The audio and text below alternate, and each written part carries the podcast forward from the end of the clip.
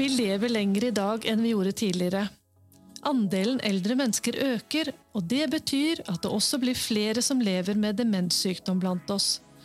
Og ikke minst, mange av oss er pårørende til en kjær ektefelle eller en forelder som har fått en demensdiagnose. Tilsynsrapporter fra Sivilombudet viser at personer med demens ofte blir satt på medisiner for å roe problematferd.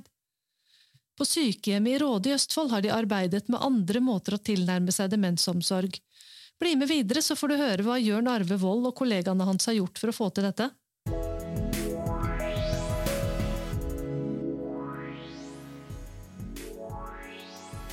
Dette er Veilederpod fra Visma, podkast for ledere og ansatte i offentlig sektor. Jørn, tusen takk for at du ville komme hit for å dele erfaringene dine med oss i dag. Hyggelig å være her. Og for de som lurer på hvem du er, Jørn, så kan vi vel fortelle at du er vernepleier, og du har en mastergrad i anvendt atferdsanalyse. Og så jobber du som avdelingsleder for to demensavdelinger på Råde sykehjem, og gjennom flere år så har dere gjennomført prosjekter i samarbeid med Høgskolen i Østfold. Var det sånn passe oppsummert? Det stemmer, det. Vi får jo ta presentasjonsrunden ferdig her. Jeg som skal lede sendingen, er Lisbeth Storvik Jacobsen. Og så skal vi si hei til min kollega Hilde Ranum, som også er med i studio i dag. Og Hilde hun har lang fartstid fra kommunehelsetjenesten og møte med personer med demens. Hei, hei. Dagens tema, demens, det berører veldig mange. Men Jørn, aller først, demens er jo et ord vi bruker mye i dagligtalen, men hva er egentlig demens? Demens er jo egentlig en sånn paraply. Beskrives av mange ulike typer diagnoser. Ok. Eh, og da og den mest vanlige som vi aller fleste har hørt om, er jo Alzheimer-sykdom. Eh, I tillegg så har, jo, har man en, god del andre eh, demenssykdommer, som eh, lever både i frontallapsdemens eh, og en del andre. Eh, Men felles for disse er jo at det er sykdommer som rammer hjernen, og på en måte innbefatter noe vansker da med å anvende, de- anvende ferdigheter, eller å, å hukommelse, det å kunne ha innsikt i egen væremåte, være motorisk urolig. Ja, Mm, så det kan arte seg på mange forskjellige, mange forskjellige måter. måter. Og kanskje utvikle seg veldig over tid, gjør det vel òg? Ja, det, De fleste av disse demenssykdommene eller det som er innenfor demensspekteret, vil jo på en måte være noe som blir verre og verre. Men det er noen også som på en måte kan være stabile over flere år, og så blir det dårligere. Blir man litt dårligere, og så er man kanskje stabil i en periode igjen før det sakte, men sikkert går nedover. da. Mm, og så kan det kanskje være sånn at det kan være litt vanskelig å oppdage i starten også? I starten er det jo altså, Man har jo ofte en del sånn ja, hva skal man kalle det, en del ferdigheter som på en måte gjør at man skjuler det ganske godt. Uh, man kan f.eks. se på aviser hvis man lurer på hvilken dato det er. Hvis man ikke husker det, så kan man se på aviser, for eksempel, og, og det kan jo skjule det for familien ganske lenge før man oppdager at her er det en demens som er på utvikling. Da. Ja, det husker jeg fra min far også. Men før vi snakker mer om hva dere har lykkes med i Råde, så tenkte jeg at vi skulle faktisk høre på et lite lydklipp fra en pårørendes opplevelse fra hun forstår at ektefellen ikke kan være hjemme lenger. Til slutt så måtte jo mannen din inn på sykehjem fordi det ble for vanskelig å ha han hjemme. Hva er det som gjorde at eh, det ble vanskelig? det var jo liksom en gradvis prosess. Jeg var jo litt der at jeg skulle klare alt sjøl. Hver gang det skjedde liksom en forverring på han, så sa jeg jo, jo, men det går bra, sa jeg. Mm. Men jeg syns jo at jeg takla det greit. ikke sant? Og hele tida, som jeg sier, du tror liksom at det, han har det best hos meg. Det er jeg som vet hva han trenger, det er jeg som kan ordne alt med han. Men så skjønte jeg plutselig at uh, han har det egentlig ikke best hjemme hos meg lenger. Ja. Fordi at eh, det er uro, du skal på dagavdeling, du skal, så kom hjemmesykepleien på morgenen og stelte den. Kom drosje og henta den, kjørte den dit, hjem igjen. Og så ble det jo liksom sånn han satt hjemme i stua og reiste seg opp og sa nei, jeg får vel dra hjem, vel. Ikke sant? Og du klarer ikke å få roa dem. Ikke sant? Du sier liksom 'du er jo hjemme'. Ja vel. Og så kommer det samme igjen. Ikke sant? For de har den uroa i kroppen. Og det er kanskje det verste og det vanskeligste med det. Den uroa. Og han kunne ikke være alene hjemme? Var, nei. Kunne ikke være hjemme alene. Jeg husker veldig godt, Det var en søndag jeg satt hjemme, og da var han sånn urolig. og, og jeg var jo heldig på en måte, for han var jo aldri liksom noe slem eller utagerende. eller noe sånt. Han var egentlig veldig rolig, men da var han så urolig og satt der, og så husker jeg bare knakk sammen i gråt. Jeg satt borti sofaen, og så tenkte jeg bare nå orker jeg ikke mer. Og selv dagen før jeg skulle sende fra meg, så ringte jeg jo til Oevd og gråt og sa jeg kan ikke gjøre det, sa jeg. Og så sier hun det at eh, du må, sa hun, og du vil skjønne at det her er det eneste riktige å gjøre. Og jeg gjør jo det, jeg skjønner jo det nå, men du verden så jeg, så jeg, jeg skjønner jo at alle syns det er fryktelig tøft å være i den situasjonen. I hvert fall når det er din ektefelle, liksom. Vi hørte dette opp Hilde her i samtale med Lisbeth Didriksen, som er pårørende og nestleder i Fredrikstad demensforening. Hva tenker dere om det Lisbeth sier her? Jeg tenker jo at den historien her ikke er unik. Det er mange som opplever en, en ganske lang og kronglete reise. Ja, hva tenker du på da? Ja, altså, før man på en måte erkjenner at man trenger hjelp, eller kanskje at eh, min kjære må inn på institusjon, at dette her går ikke, så vil man prøve, ikke sant? Og så blir den reisa lang og kronglete. Og eh, jeg har jo også snakka med en del andre eh, pårørende som, som sitter igjen Altså den, den negative opplevelsen da blir sittende litt sånn i kroppen fordi de venta for lenge. Eh, så er det veldig komplisert, ikke sant, det her. Å få pårørende kanskje til å skjønne at de må gi slipp litt før enn det de klarer, da. Jeg vet ikke om du, Jørn, har noen ø, opplevelser av det. Du har jo en annen eh, ende av skalaen med, på en avdeling som kanskje er for litt mer eh, utfordrende pasienter, kommet kanskje litt lenger i, i fasen. Og, eh, men om du har noen erfaringer i møte med andre kommuner knytta til den problemstillinga her? Det man ofte ser, er jo at, eh, at det er jo fortsatt dette med skam. Eh, altså, det er en generasjon som er vant til å på en måte ivareta sjøl storfamilien, eller familien er viktig, og, og mødrene skal på en måte passe på sine ektefeller og foreldre. Og, og, så man opplever jo ofte det at man kommer for sent i kontakt med hjelpeapparatet.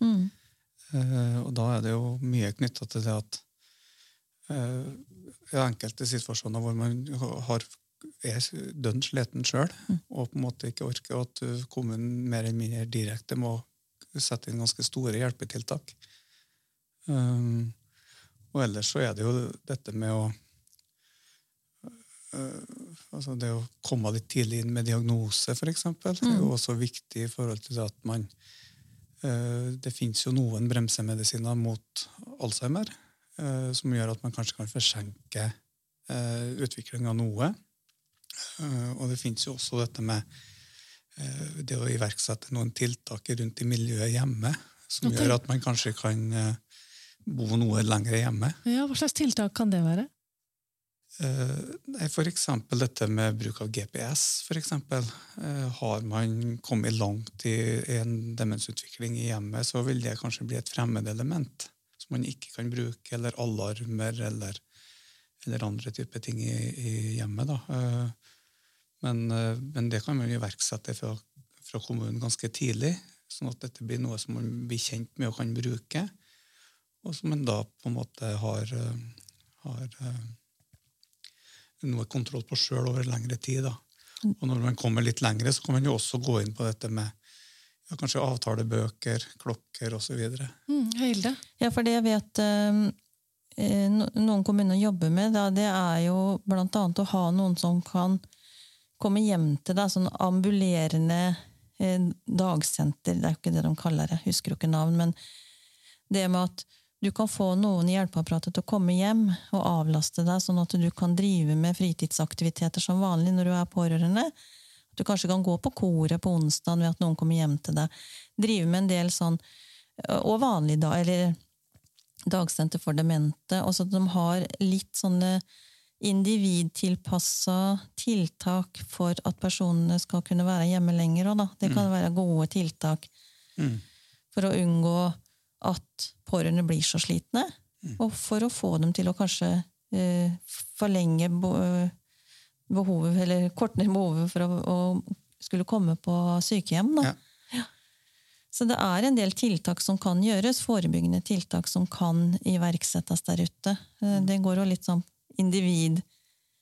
individtilpassa tiltak, da. Ja.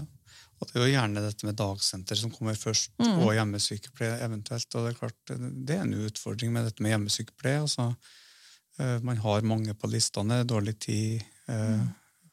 Man møter personen som har demens i døra, som sier at hvor du spør har du spist i dag, og personen sier ja. Mm. Eh, Det er det ingen garanti for. Eller, eh, eller det at det er på en måte folk ikke blir kjent over og, altså, Det er ikke samme person fra dag til dag. Da. Eh, Så dette med å ha øremerka personer, til å reise hjem til personer med demens for å følge dem opp over tid, er jo et sånt type tiltak som er, kan være veldig viktig. Da. Men det er jo vanskelig det her jeg tenker på. En ting er jo hvis du har en ektefelle med demens som du følger tett eh, gjennom hverdagen.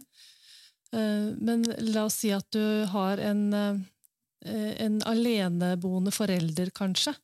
Mm. og du ikke bor i nærheten, så har du kanskje ikke den, den samme muligheten til å overvåke heller. Nei, men dette, for med, med GPS da, eh, er jo et sånt tiltak jeg tenker, som kommer mer og mer, og det er mange kommuner som nå iverksetter det. Uh, hvor du på en måte som pårørende også kan være i den tilbakemeldingsloopen og på en måte kunne uh, sette en, en sånn type grid rundt da, at folk kan reise på, til, til byen, men eh, de bør ikke sette seg på toget, for, eksempel, for da går alarmen. Da man vet hvor man på en måte ja, det, Sånne ting kan jo man som pårørende da være med å hjelpe eh, kommunen til å på en måte være en del av tilbakemeldingsloopen. da. Og, og ellers dette med eh, som pårørende da, som på en måte har lite kontakt, dette med å ha en kontaktperson i hjemmesykepleien, så man kan, har noen å spørre, har noen å, og, og at det ikke er 30 forskjellige mennesker som på en måte har en liten del av helheten, men at det er noen som samler helheten. Er det det som kalles demenskoordinator? Ja, for eksempel. Eller du har jo både dette med hukommelsesteam og demenskoordinator som på en måte har kommet mer og mer, og ligger også nå i en del planverk. ikke sant? Ja, for en koordinator er jo gjerne den som koordinerer litt grann, og har mer sånn overordna ansvar, men at man, som du sier, er jo viktig å ha team som kjenner pasienten, og kan på en måte iverksette tiltak og uh, trygge dem da, uh, i der de er, vite hvem de er, og hvordan man da skal iverksette ulike tiltak. Og det fins jo GPS, det fins jo klokke som viser dag, natt. Du kan jo få elementer hvor lyset går på når, når du står opp. Det er masse forskjellige sånn duppeditter. Det Velferdsteknologi. kommer mer og mer. Det gjør jo det, og så er det viktig å bruke det riktig, da. At ikke det skal erstatte noe, men at det skal brukes eh, riktig inn mot eh, den spesielle pasienten, eksempel, eller det problemet, eller ja. Jeg kjenner jo at det her med å få en demensdiagnose og det å være pårørende, det kunne vi ha snakka om veldig mye mer. Men på et tidspunkt så vil veldig mange med demenssykdom komme på sykehjem. Og vi har jo invitert deg for å snakke om hvordan dere ivaretar pasienter med demens på sykehjem i Råde.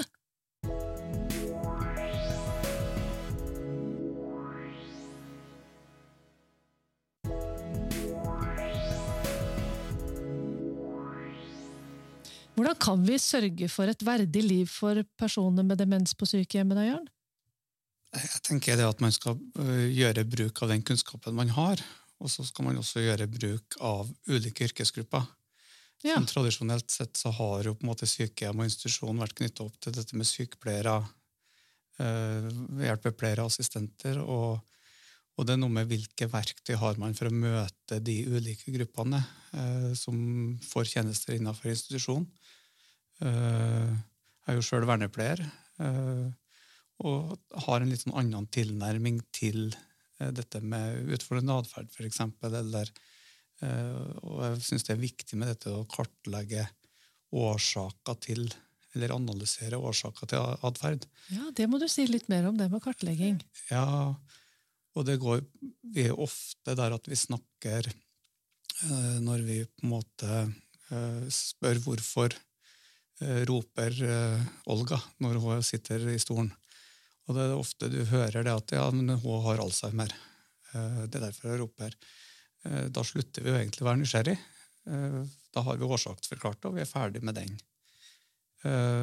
Men hvis man litt, stiller litt annet spørsmål, vrir litt på det spørsmålet og heller spør hva er grunnen til at Olga roper, så vi ser litt i forhold til det miljøet som hun bor i, så kan vi bli litt mer nysgjerrig i forhold til å se på ja, øh, ja sitter hun mye alene, eksempel? Har hun smerter? Kan det være at hun, hun øh, lenge siden hun snakka med noen? Det kan være mange grunner i miljøet.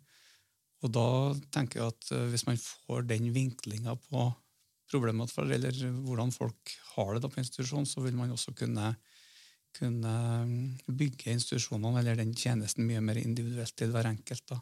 Eh, Så er jo en sånn forespråker til at vernepleiere har en veldig naturlig rolle inn i, i sykehjem eller institusjoner.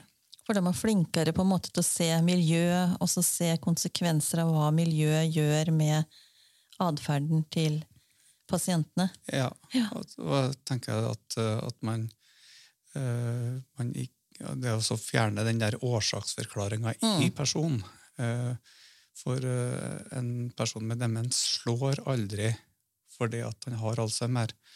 Eh, den personen med alzheimer han, han slår fordi han har møtt noe i miljøet som er usikkert for han, Noe som er trigga på et eller annet vis. da. trigger dette. Og det å være nysgjerrig på å se på hva er det Og også dette med å opprettholde ferdigheter for eksempel, lengst mulig. Et godt eksempel er jo dette med, med språk, hvor, hvor vi hadde en undersøkelse her for noen år tilbake hvor vi gikk inn på dette med, med eh, verbale funksjoner. Eh, Og det kan jo på en måte deles opp i dette med å, eh, noe som heter man, dette å be om ting. Da. Det vi så når vi undersøkte dette, var jo at at personene som bodde på institusjon, de ba ikke om ting. Hvorfor ikke det? Eh, Nei, det har, det har vi liksom på en måte straffa bort da, i et hektisk miljø. Altså folk oh, ja. ber, om, ber om Kan du komme og snakke med meg, for eksempel? Eh, nei, vi har ikke tid. Mm. Uh, etter hvert da så vil folk slutte å bruke den språkfunksjonen. Uh, men i løpet av en veldig, veldig kort tid så fikk vi jo Når vi på en måte relærte disse tingene, så kom jo det opp med en gang igjen. Men det snakka faktisk Lisbeth om, eh, Lisbeth Didriksen, da, om når vi hadde samtale med henne. Når mannen hennes kom til et sted hvor han eh, fikk en mer ro over seg, altså han kom til en avdeling hvor roen kom til han, så begynte han også å snakke lange setninger igjen. Så da, da fikk han på en måte et annet forhold til språket sitt plutselig, ellers så har han, var det nesten helt borte Ja, det når stemmer han, ja, når han var på en avdeling hvor han var veldig mye urolig, da. Men er det sånn at alle, alle sykehjem eller alle avdelinger for demens at de kjører kartlegging av de som kommer inn? I noen form eh, gjør de nok det, men, men eh, det er klart vi har, I og med at vi har hatt det samarbeidet med høyskolen eh, og har hatt mye studenter inne hos oss, så har vi jo på en måte hatt mulighet også til å kjøre mer eh, forskningsbaserte studier, hvor vi har gått mer inn i detaljer. Også på dette med språk. ikke sant? Det å se på ja, Dele opp språk i ulike typer funksjoner, og så se eh, hvilke funksjoner er det som opprettholdes, hvilke funksjoner er det som forsvinner. Kan det relæres, f.eks.? Eh, og, og på en del andre områder også, da, som utfordrende atferd eh, i form av utagering, f.eks. Altså, hvordan kan vi tilrettelegge miljøet best mulig da, for, å, for å på en måte eh, senke forekomsten så mye som mulig. For det, for det du sier egentlig, det er at eh, man må prøve å se på hva som trigger, og ikke årsaksforklare all atferd i sykdommen, Mm. Men at man må prøve å finne ut hva er det som gjør eh, Ja, ak ak akkurat jeg reagerer som jeg gjør. da. altså Atferd eksisterer jo egentlig en sånn type en sånn tre termer. da. Eh, Det er jo på en måte mitt fagfelt. da. Det er klart det er noe som trigger atferden. Et sånt type, noe skjer i miljøet som på en måte setter i gang en eller annen type, type atferd. Og den atferden vil jo forekomme i fremtida også, hvis det møtes på rett måte av omgivelsene igjen. Eh, Et eksempel er jo det at eh, vi tar telefonen. Eh, Det er jo fordi at det ringer. Vi går springer ikke rundt og tar telefonen hele tida. Men, men hvis vi på en måte tar telefonen fire ganger, og det ikke svarer noen i andre enden der, da vil man på en måte etter hvert også da slutte å ta telefonen. ikke sant? Så, så det er måten vi møter det hver enkelt gjør. Så du må se både på forsida og hva som skjer i etterkant. I forhold til det eksempelet med språk, da hvor man kan si at når vi ikke svarer på spørsmål om å være sammen med, eh, da slutter folk å spørre om å være sammen med. Så, Eh, så egentlig så avlærer vi, altså både pårørende kanskje, og ansatte, kan avlære ulike typer funksjoner, og, det, og det vil jo være på at folk eh, kan forskjellige sånne ADL-funksjoner også. ikke sant? Man kan stelle seg sjøl, men vi overtar. Vi overtar veldig kjapt hele tida. Og det vil jo da ende med at da er det ikke noe grunnlag for personen å gjøre det sjøl, og han mister den ferdigheten. Så hvorfor, hvorfor gjør vi det? Hvorfor overtar vi funksjoner? Er det fordi det da går fortere, eller fordi vi ikke har kunnskap om at det er en dum ting å gjøre? Tror- Det er litt sånn både og. På ene sida så tror jeg på en måte at det er lett. Mm. Det kan ta litt lengre tid Og å på en måte spille på lag med den personen med demens hele veien. Og så er det noe med at, eh, at vi sjøl også lever med de samme betingelsene. Eh, Vi er også eh, har noen ting som er Vi viser også noe atferd som også på en måte blir etterfulgt av noen konsekvenser for miljøet. Det er klart, Hvis vi er litt kjappe, da, så kan vi være litt lenger på vaktrommet, eller vi får tid til å gjøre litt andre ting, f.eks. Eller og så er det noe på den kunnskapsområdet at, eh, at eh, det er lettere eh, Historisk sett så, som jeg sier, så har sykepleiere og vernepleiere sånn medisinsk modell og medisinsk måte å møte ting på, så det er kanskje lettere med det å, å behandle såret, i stedet for å snakke med personen og se på miljøet rundt. da. Mm. Å vite hvordan du skal møte Olga, da, som, som sier hun har bodd et annet sted eller vil hjem, eller litt sånn kompliserte ja, tilnærminger til, eh, til en pasient som, som ja. Ja, Hvis du da tenker at uh, dette vet jeg ikke er, Du kan bli lei. Mm. Det er jo trinn én. Altså når du har spurt om det 30 ganger, så er det ikke sikkert det er like interessant i, i den eh, neste runden. Og så, og så er det at du føler at du ikke mestrer. ikke sant? Men, men det er klart, for den personen som spør, den vet ikke. Den etterlyser svar. Det som vi gjør rett i etterkant av det, det er jo det personen opplever. Og han opplever da å bli avvist, eller på en måte øh, Og det er klart, avviser du folk lenge nok på sånne ting, så er jo det en naturlig utvikling at du utvikler problematferd for å på en måte få disse tingene. I stad sa du det, Jørn, at uh, altså det foregår gjerne en kartlegging uh, i en eller annen form. Men hvordan finner man tid å tilrettelegge for å kartlegge, for å bruke disse opplysningene? For jeg, jeg hører jo litt at du sier at det er viktig at man bruker historien til personen og kjenner den. da. Jeg, øh, jeg mener jo at man har tid til å kunne kartlegge ganske sånn detaljerte opplysninger rundt brukeren, eh, også helt ned på et sånt type atferdsnivå, hvor man faktisk måler hvor ofte folk er ute og vandrer, f.eks., eller, eller måler antall rop per minutt. Eller. Eh, Så det er mulig, eh, men det er heller et spørsmål om å, å finne den metoden eller det skjemaet, eller den, hvordan skal man telle. Vi har et eksempel på det, er jo noe vi kartla lyd over, eh, over hele døgnet hos en person. Det er klart, det å ha en ansatt til å kartlegge 24 timer i døgnet, det er vanskelig. Ja, det skjønner jeg. Eh, Men det vi gjorde da, var å dele opp eh, eh, hver time i kvarter, og så sa vi at i dag så skal dere ta det fra klokka ni til kvart over ni, ti til kvart over ti. Og så kjørte vi det sånn én dag, og så tok vi fra kvart over ti til halv elleve. Så i løpet av fire dager da, så har vi dekt 24 timer. Så kan man jo heller holde på litt lengre tid. Da vil man på en måte få en oversikt over over uh, type problemer. Da, for, for eksempel, da, det, og det kan man bruke da, bevisst for å se etter miljø eh, og ting som påvirker. og Litt sånn typisk da, er at man ser at det er oppåpning av disse tingene rundt vaktskiftet, f.eks. At det er noe som stresser eh, Ja, da er kanskje vaktskift på vaktrom, f.eks. Da kan eh, det være en økning med type problematferd. da. Eller det kan være eh, rett i forkant av at man skal legge seg i forbindelse med stell. Ulike områder da, som på en måte man kan begynne å isolere og se mer på. da.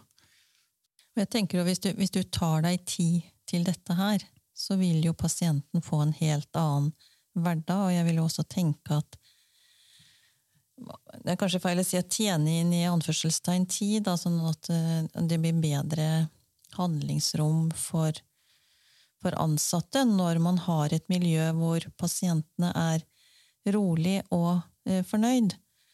Og så handler det Jeg tenker det handler om holdninger til pasientene også, og så gi dem en hverdag eh, og en livsglede, glede, erfaring, som gjør at de har det bra. Altså Det er jo noe med å gi forsvarlige tjenester. Dette her handler jo om hva vi gir av tjenestene til pasientene, og de fortjener å bli sett og bli prøve å finne løsninger som gjør at de har det best mulig. Og så, og så ser, ser jeg jo gjerne altså, Det er ofte det som man møter først, er jo dette at vi har ikke tid.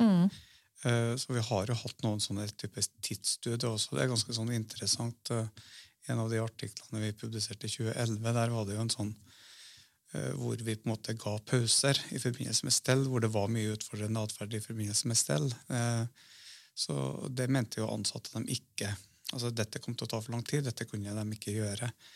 Eh, og det var mye bruk av tvang i forbindelse med stell. Vi gikk inn da veldig systematisk i forhold til den situasjonen. Og så kjørte vi et sånn tidskartlegging i parallelt for å se hvor mye tid tar et stell som er systematisk, kontra et stell som er usystematisk, og som ble gjennomført av, eh, av ansatte. Eh, Det det viste seg, var at det systematiske arbeidet var mye kortere. det tok, ja. I tillegg til at eh, det var mye, mye mindre tvang. Eh, ja. Det skal vi komme litt tilbake til. For det høres ut til at det dere gjør i Rådet, det virker å være veldig i tråd med det Helse- og omsorgsdepartementets demensplan 2025 f.eks. Der står det blant annet å lese at mennesker med demens ikke er noen ensartet gruppe, men at de i likhet med alle andre har forskjellige behov og ulike interesser. Og, og her kommer det at god demensomsorg handler om å møte den enkelte der han eller hun er, og iverksette individuelt tilrettelagte tjenester og tilbud basert på innsikt i den enkeltes livsfortelling og sykdomshistorie. Og jeg tenker at det, det er jo dette med individbasert omsorg, eller personsentrert omsorg, er jo på en måte et sånt viktig del av dette her.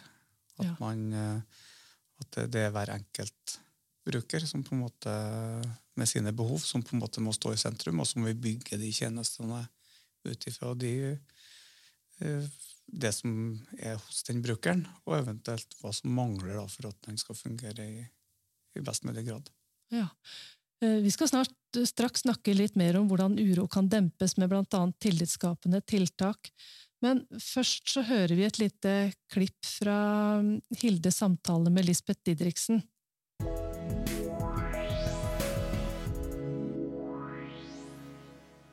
Ble det vurdert noe medisinering og sånn på når han kom inn på institusjon?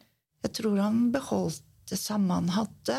Eh, og så gikk det jo litt sånn De prøvde jo utenfor at det, han var jo litt mer urolig der, fordi at han skulle jo hjem, ikke sant. Men eh, så var det en periode hvor de satte den på noe Jeg husker jeg kom, og da satt den inn på stua helt sløv.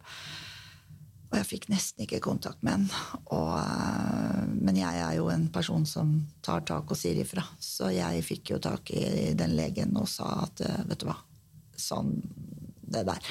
Og da hadde de vel testa det kanskje i ukes tid, eller jeg, jeg, det er jeg litt usikker på, men de stoppa med det også, for da jeg ba møte med legen og, og fikk jo fikk jo se hele skjemaet med atferden hans, hvor han liksom så, ikke sov, og det var jo veldig sjelden det var noe uro.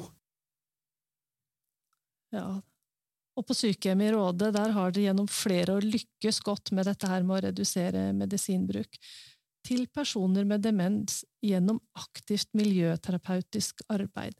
Og det her har jo vekka et eh, internasjonal interesse. Fortell litt, hva har dere gjort? Nei, og det, og det går jo mye på det at hvis man eh, hva, hva er det man velger som første eh, innslag på eh, en eventuelt eh, uro eller utfordrende atferd eller manglende nattesøvn? Er det de miljøterapeutiske tiltakene, eller er det medisinene? Og ofte eh, litt sånn tilbake til hvilke verktøy skrin har i ulike yrkesgrupper. Eh, det er klart en lege, Vi er jo ofte sannhetsvitner til, eh, til legen. Eh, Vi sitter på legevisitt, de ser pasienten i ti minutter i uka eller veldig kort tid. Og så er det noe med eh, hva er det vi sier til legen? Jo, vi sier f.eks. at jo, den har blitt mye verre. Den vandrer mye og mer og mer. Eller den sover dårligere og dårligere på natta. Men det er jo egentlig bare noe vi melder til legen. Eh, Hva, hva som er realiteten, det vet man jo ikke. Og da er jo litt sånn tilbake til at her er det viktig å kartlegge. Eh, Så det man kan se, er jo at hvis man kartlegger døgnet for søvn, for eksempel, er jo at de sover kanskje bare fire timer på natta. Det stemmer, det. Men de har en formiddagshvil på et par timer, og så har de en ettermiddagshvil på et par timer. Ja, det er tilstrekkelig søvn i døgnet. Og hvorfor skal man da medisinere eh, natta? Da er det mer et spørsmål kan man jobbe for at mer av den søvnen faller på natta, i stedet for eh, at den faller på, på dag. Da. Og det kan man gjøre med aktivisering eller andre typer tiltak. Men det handler jo om kompetanse hos legen nå, tenker jeg. Han må jo spørre seg inn hva, eh, på ulike ting. Men velger dem noen ganger den lettvinte løsningen også? Nei, altså, vi, vi har en, en utrolig dyktig lege hos oss. Ja, det vet jeg. Som, eh, som på en måte eh, Hun kaster ut disse kartleggingsskjemaene ofte, hun. Altså, hvis vi kommer og sier at den personen her eh, har begynt å sove dårlig, så kommer skjema som nummer to. Kartlegg hvor mye den personen her sover. Så det er ikke førstevalget til den legen å på en måte sette i gang medisiner, men det er jo på en måte veldig mange steder hvor det er. Ja, det er det jeg tenker. sånn at øh, Det er nok en del leger som også har noe å lære av hvordan dere jobber. Mm. at legen ikke bare lettvint hører på ja, men han sover dårlig om natta, uten å stille spørsmål, uten å vite om det er kartlagt, uten å kanskje grave og spørre seg mer inn i det. da. Ja, og det, jeg tenker at så må man være litt sånn oppmerksom på hva man egentlig melder videre. forbindelse med legevis, altså Gå litt inn seg sjøl også. For det er klart at, eh, at eh, etter fjerde nattevakta hvor personen har vært oppe, så, så er det noe med hva melder man videre. Eh, Man legger gjerne på litt. Eller, eller bruker litt ekstra tilleggsmedisin ikke sant, for at det er urolig på avdelinga.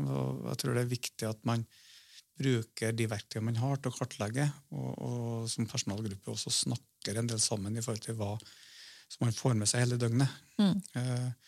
For hvis det er lite som skjer på dagen, og det er lite stimuli på dagtid, så det er klart, da sover folk mye også. Det er noen direkte sammenhenger her mellom eh, lavt aktivitetsnivå på dagen og lite søvn på natta, f.eks. For at man sover mye, da. Men dette her med utageringer, og du snakka litt i stad om det her med tvangsbruk. eh, Er det sånn at ansatte på en måte kan utløse utagering og uro bare ved atferden sin? Jeg mener jo at det oftest er vi som gjør det, da. Eh, eh, at, det, at det rett og slett er der det ligger. Eh, For, for det som jeg sier, at man har egentlig ikke det er ikke noe grunnlag for å si at det ligger i diagnosen. Så- det ligger i miljøet. Og miljøet for folk på institusjon det er også ansatte og medbeboere. Så det er klart, hvis du bruker, sitter mye på vaktrom, da, eller sitter mye på mobil, sitter mye med, eh, og snakker om hva du gjorde i helga, eh, så vil personer kanskje komme i konflikt med hverandre. Eh, Og det er jo ikke fordi at de nødvendigvis søker konflikt, det er jo for at de ikke får bli fanga opp tidlig nok i utvikling av en uro, f.eks. Stimulifattig miljø hvor man på en måte ikke kjører noen aktiviteter i, liten grad på en måte ivaretar brukerne, vil man jo få se at det blir mye vandring. Man søker ansatte i ganger og korridorer. Og, og det er klart eh, Man har jo her en sånn en mental svikt også, som gjør at man trenger litt tid til å, å, å på en måte skjønne hva som skjer. Og det er klart, hvis man river opp døra om morgenen, river av dyna eh, Da hadde jeg også utagert. Ja. Kunne noen av til å si irritert? Ja, du hadde lyst til å si noe, Hilde? Ja, jeg lurer på litt hvordan, hvordan eh, jobber dere med opplæring av ansatte? For at de skal se det her, at de skal være i miljøet, jobbe godt med, med brukerne, gi dem nok og riktig stimuli og aktiviteter osv. Det kommer jo ikke av seg sjøl. Nei, også, men vi har en gruppe, i hvert fall spesielt den ene, da, hvor vi også leier ut litt som plasser og gjør, eh, og tar imot fra andre kommuner også som sliter med, med brukere med ulike former for utfordrende atferd. Så, så er det dette med stabilitet. Altså, vi starta den gruppa for 15 år siden. Da kom jeg inn. Jeg har jobba med andre ting før den tid. Og da starta jeg på sykehjem. og og, og det er de samme folkene jeg møter i gangen. Vi har hatt samme folkene alle år. Mm. veldig stabilt. Og, og, og det er noe med altså, Vi har vel ikke noe sånn spesielt sånn veldig fokus, atferdsanalytisk fokus. Det har vi ikke sånn i forhold til opplæring rundt det som tema, men det er noe med hvordan man møter de brukerne. Og det er klart, når, Hvis noen blir utsatt for en voldshandling, eksempel, eh, så er det jo gjerne den forklaringa at 'jeg gjorde sånn', og derfor skjedde det.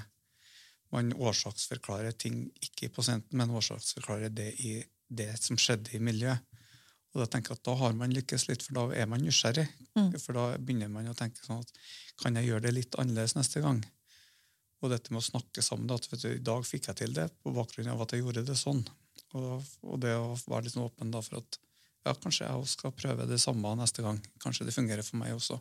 Men da er jo det på en måte en, en type opplæring, da. Den kunnskapsdelinga som dere driver i rapporteringa til hverandre eller i evalueringa av situasjoner som oppstår osv. Så, videre, så er dere åpne på hva som skjer, og diskusjoner rundt hvordan kunne vi gjort det, eller hva lykkes jeg med her, osv. Så, videre. så det er jo det en form for kompetanseheving. Ja. Eh, Men jeg har litt lyst til å komme tilbake igjen til eh, noe som eh, Lisbeth Didriksen sa, i hvert fall i den samtalen. Jeg husker ikke om det var med i lydklippet her i stad, men hun nevnte jo det der at hennes mann ble roligere hvis det var ro rundt, og så snakker du om aktivisering for at det ikke skal bli urolig. Jeg må kanskje finne en balanse her, da, at det er ulikt for person til person. Ja, det- vil det jo være. Eh, Og så tenker jeg at eh, aktivisering i seg sjøl trenger ikke å være de store aktivitetene. Eh, Når jeg tenker aktivisering, så kan det være at man faktisk setter seg ned. Altså Den personen som vandrer mye, ja, kanskje man skal sette seg på rommet da i fem minutter, bryte av det, det mønsteret de har, lese aviser sammen med. ikke sant?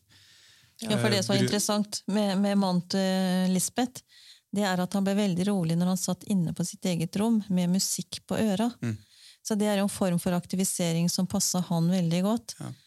Da fikk han aktivisert seg med noe som han syntes var veldig fint. Eh, Men da måtte han være inne på rommet sitt alene og gjøre den, det den blir- aktiviteten, da. Ja, og det blir litt sånn individuelt. Ja. ikke sant? At, at man må se på hva er det som eh, eh, Men at man i hvert fall bryter de mønstrene. Altså, det, altså Når folk på en måte blir sittende veldig rolig i, i en stol over tid eh, Det er jo dem som på en måte man kjenner igjen fra filmer hvor folk sitter langs korridorene, ikke sant, henger med hodet, og, og folk springer rundt. Det, det, det er jo da man på en måte skal ta dem i det. Altså når, I de situasjonene hvor man er, er rolig. Eh, vi er veldig flinke til å springe etter når folk gjør noe galt. Eller på en måte når uroen er til stede, da, da rykker vi til.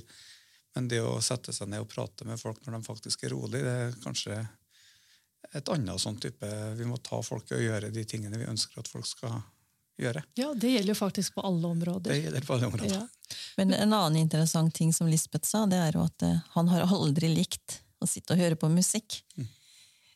Så det er liksom, Forhistorien tilsier jo ikke at det er en aktivitet som han liker.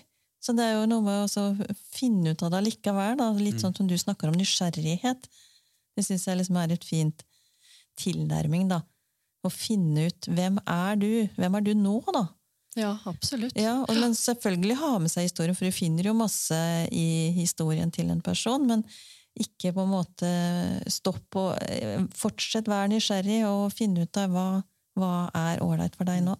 Ja, det er jo en av, og det, det kan, Dette kan vi også gjøre på systematiske måter. og Det er jo en av de pro prosjektene vi har nå i vår, hvor vi jobber med en student som da jobber med dette med sånn preferansekartlegging. Finne ut hva det folk liker.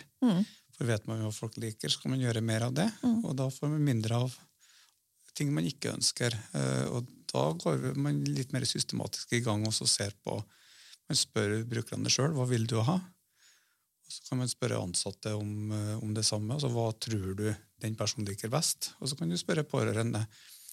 Og En tidligere undersøkelse gjort i forhold til det viser at det blir fort en del avvik i forhold til hva folk rundt mener at personen sjøl liker.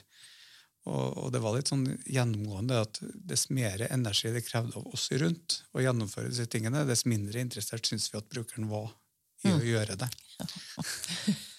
Ja, det er fascinerende hvordan vi som helsepersonell kan påvirke altså hva vi legger i ting. Ja. Mm. Men det handler jo, altså mye handler jo om å finne gode alternativer til medisinbruk.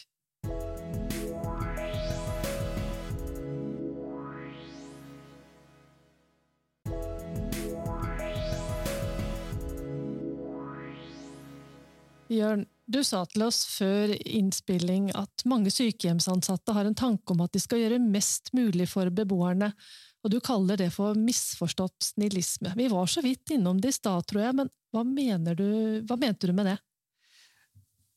Nei, vi har gjerne en sånn tendens, tenker jeg, til å på en måte uh, yte tjenester, eh, til å hjelpe til. Uh, og det vi ofte gjør da, er at vi fratar folk ferdigheter.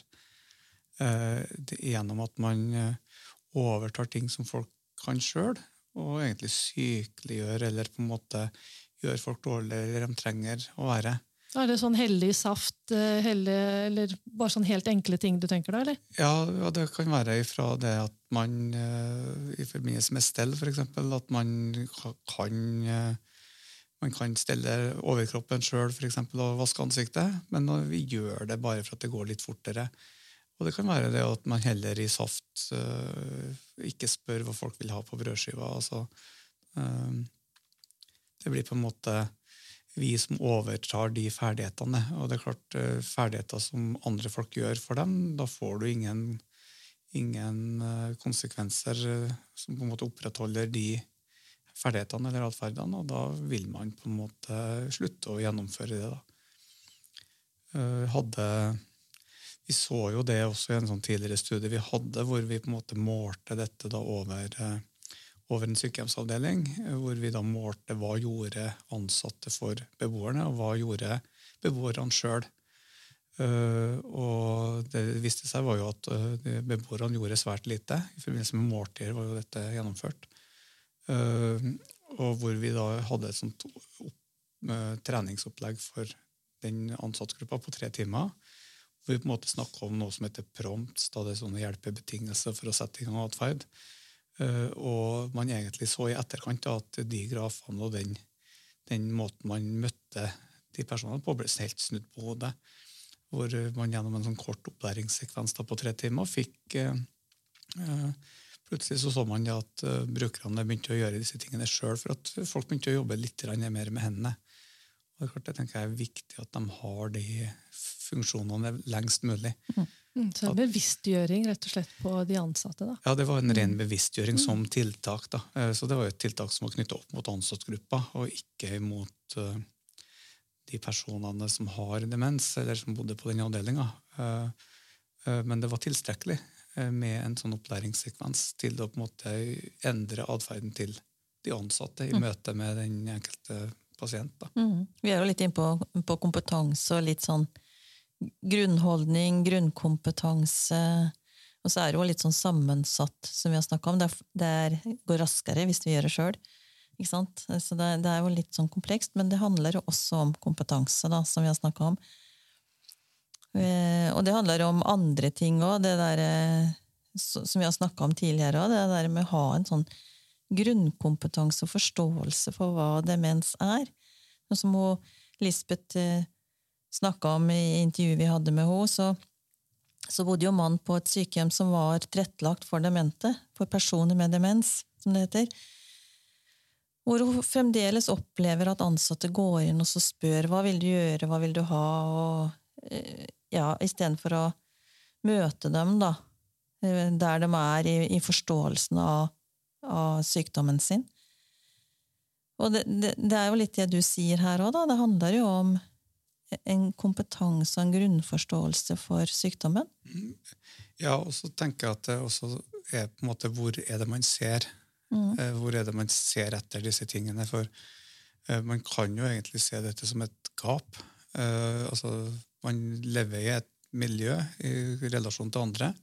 Så får man en sykdom hvor på en måte de relasjonene til andre, både til andre og miljøet rundt da, på en måte blir litt fjernere. og da er det jo ikke, Vi skal ikke endre på den personen.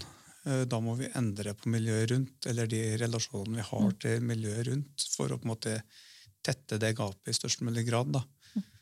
Uh, og jeg syns jo ofte at den uh, Når jeg har vært litt sånn rundt, da, så, så, opplever jeg gjerne at du, du, du sier at den personen der er slem. ikke sant? Bruker sånne merkelapper. altså Han har Alzheimer, derfor gjør den sånn. ikke sant? Og, og du prøver å presse personene inn i samfunnets form, mm. eller institusjonens avdelingens form. ikke sant? Altså, Frokost er klokka ni, så da skal du møte opp klokka ni til frokost. ikke sant? Og så slår du og skriker litt, og da er det noe galt med deg. Mm. Ja. Uh, men man bør heller kanskje se da at ja, det kanskje ikke passer den personen her. Uh, så, så, det går nok noe på dette med kompetanse. Og, men jeg tenker også det der med at eh, hva, hvilken verktøy har vi? Mm. Altså Hva er det på en måte vi, vi kan ifra utdanninga og ifra det miljøet vi sjøl har hatt på den avdelinga? Mm. Har vernepleierne en annen innfallsport til det her, tenker du, enn eh, sykepleiere og annet helsepersonell? Ja, altså Vernepleiere er, også helse, altså, ja. Eh, er jo helsepersonell på lik linje med, med sykepleiere, men vi har en litt mer vinkling opp imot dette med målretta miljøarbeid. Dette med å kunne uh, bruke ulike typer design, ulike typer metoder, ulike uh, ja, For å se på dette med relasjonene av atferd med miljø, og så se, lete etter litt andre svar. Uh, kanskje enn sånn tradisjonelle yrkesgrupper da, i institusjoner. Mm. Og så er det jo spennende, da, på pasientgruppa den er jo veldig stor i forhold til eh, alder, for eksempel. Ja. Det er jo ikke bare eh, gamle damer med grått hår som, som Nei, er Absolutt ikke. Eh, og, og, det å se de ulike behovene også fra For det er klart altså De brukerne jeg har møtt i, i de årene jeg har jobba innenfor demensomsorg, da er jo fra tidlig i 40-årene og opp til noen 90. ikke sant? Altså, dette kan ramme tidlig. Mm. Det er ikke mange, men det kan ramme veldig tidlig. Man kan være foreldre også til barn. og det er klart Da stiller det helt andre krav til hvordan man møter dette enn hvis man er 98 og på en måte har mange følgesykdommer i tillegg. da. Mm. Ja. Det er viktig. Men du, dere, tida går veldig fort, mm. og jeg tror faktisk vi må tenke på å runde av her.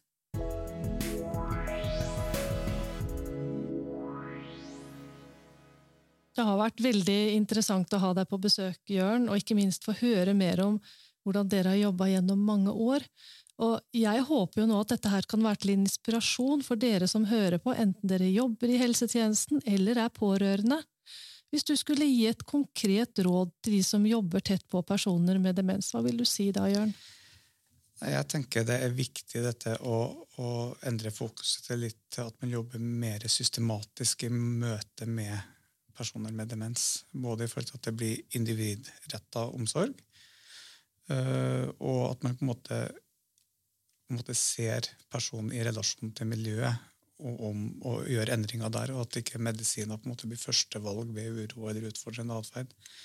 Eh, I tillegg så er det jo dette med at man, man eh, kan øke sin egen kompetanse. Det å søke informasjon. Det ligger mye ute, så man kan få mye ideer til i forhold til å se egen, om det er kartlegging eller om det er ulike typer tiltak. eller At man er litt sånn nysgjerrig på det.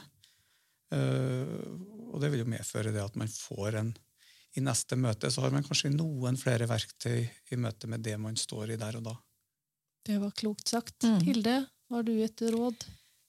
Nei, jeg, jeg tenker jo det der med, med nysgjerrighet eh, og det å ikke, ikke hoppe på veldig enkle årsaksforklaringer til hvorfor det er sånn, men ha en nysgjerrighet og en åpenhet. Eh, og det som eh, Jørn har sagt, da. Det vi ikke har snakka om, er jo ledelse oppi det her, men nå, nå sitter jo en Jørn her som er leder, og tenker jeg det er jo en vesentlig del for å få dette her til. For å få ansatte nysgjerrig, for å få ansatte til å jobbe systematisk og godt. eh, Og søke kompetanse. Det tenker jeg er viktig oppsummering. Tusen takk til både deg, Jørn, og til deg, Hilde. Og med det sier vi takk for oss i studio i Fredrikstad. Dette er Veilederpod fra Visma, en podkast for ledere og ansatte i offentlig sektor. Ansvarlig for denne sendingen har vært Tilde Ranum og Lisbeth Storvik Jacobsen. Produsent og teknisk ansvarlig Magnus Bjørneby.